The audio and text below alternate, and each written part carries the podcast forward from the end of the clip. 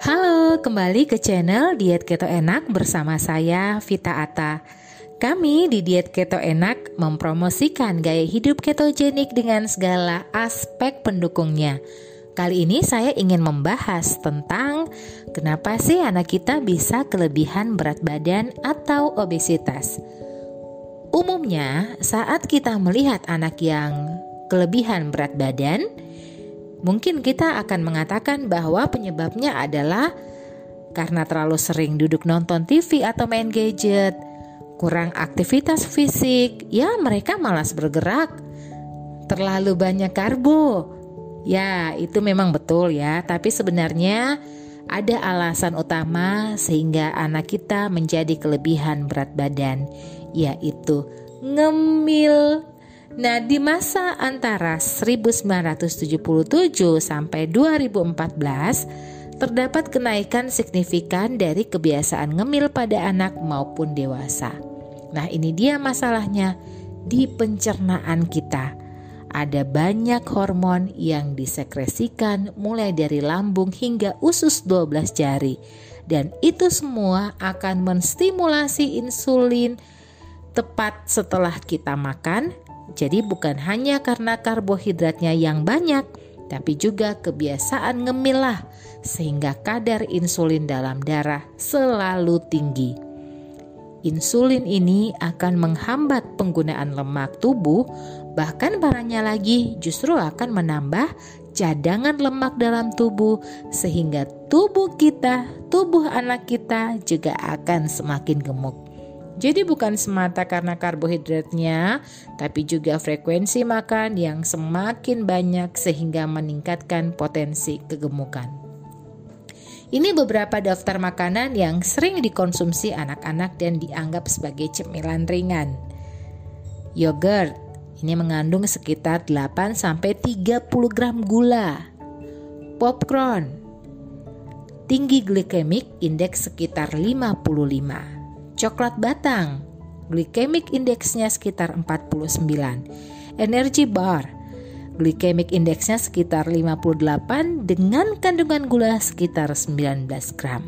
Nah, kalau minuman soda, glycemic indeksnya sekitar 72. Donat, ayo berapa donat? Donat itu sekitar 80 loh glycemic indeksnya. Jus kemasan. Ini konsentrat buah, tapi biasanya diperkaya dengan kadar gula tinggi berupa fruktosa cair ataupun sukrosa. Dan sayang sekali, jus juga diperlakukan sebagai snack. Biskuit dan makanan ringan lainnya kesannya makanan ringan tapi kandungan karbonya juga tinggi. Apalagi sekarang banyak produk makanan yang ringan diperkaya dengan filling coklat, selai kacang, selai keju, atau salut gula. Nah, ada satu lagi makanan yang mungkin biasa dijadikan cemilan saat kita lapar, yaitu buah apel, anggur, dan buah manis lainnya. Adanya perkembangan teknologi pertanian sehingga menghasilkan tanaman yang bisa tersedia sepanjang tahun dengan kualitas buah yang semakin unggul dalam hal kadar kemanisan, ukuran, dan kuantitas. Apalagi harga buah-buah ini semakin terjangkau sehingga bisa dikonsumsi setiap saat dan diperlakukan sebagai snack. Boleh kita konsumsi ya, tapi ini harus diperhatikan juga. Jadi mulai dari sekarang mulailah mengenalkan anak-anak dengan makanan dari sumber alami seperti ubi kayu, ubi jalar, pisang. Membiasakan anak untuk tidak ngemil, makan sesuai waktunya karena tidak ngemil pun anak Anda tidak bakal mati kelaparan. Lebih waspada terhadap makanan dalam kemasan kita sebagai orang tua sebaiknya kita belajar membaca label nutrisi sehingga kita bisa memilih apa yang cocok untuk buah hati kita, makanan apa yang cukup baik untuk mereka, atau makanan yang harus dihindari.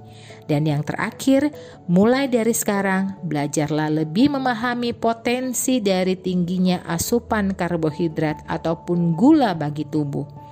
Efeknya dalam jangka panjang, terutama untuk masa depan buah hati Anda, mulai mencoba mengadaptasi pola diet ketogenik dan menerapkannya pada anak Anda sehingga lambat laun kelebihan berat badan anak Anda semakin menurun, akses lemak tubuh semakin berkurang sehingga potensi prediabetes pada buah hati Anda bisa dihindari. Itulah sharing saya di podcast ke-16 ini semoga bermanfaat untuk kita semua. Kalau Anda rasa ini penting untuk di-share, silahkan share linknya ke teman-teman Anda, ke keluarga Anda. Jangan lupa di-follow ya podcastnya kita, follow IG-nya kita juga at diet keto enak. Kalau butuh konsultasi bisa langsung WhatsApp ke 0818 18943318. Terima kasih dan sampai jumpa di podcast berikutnya. Bye bye.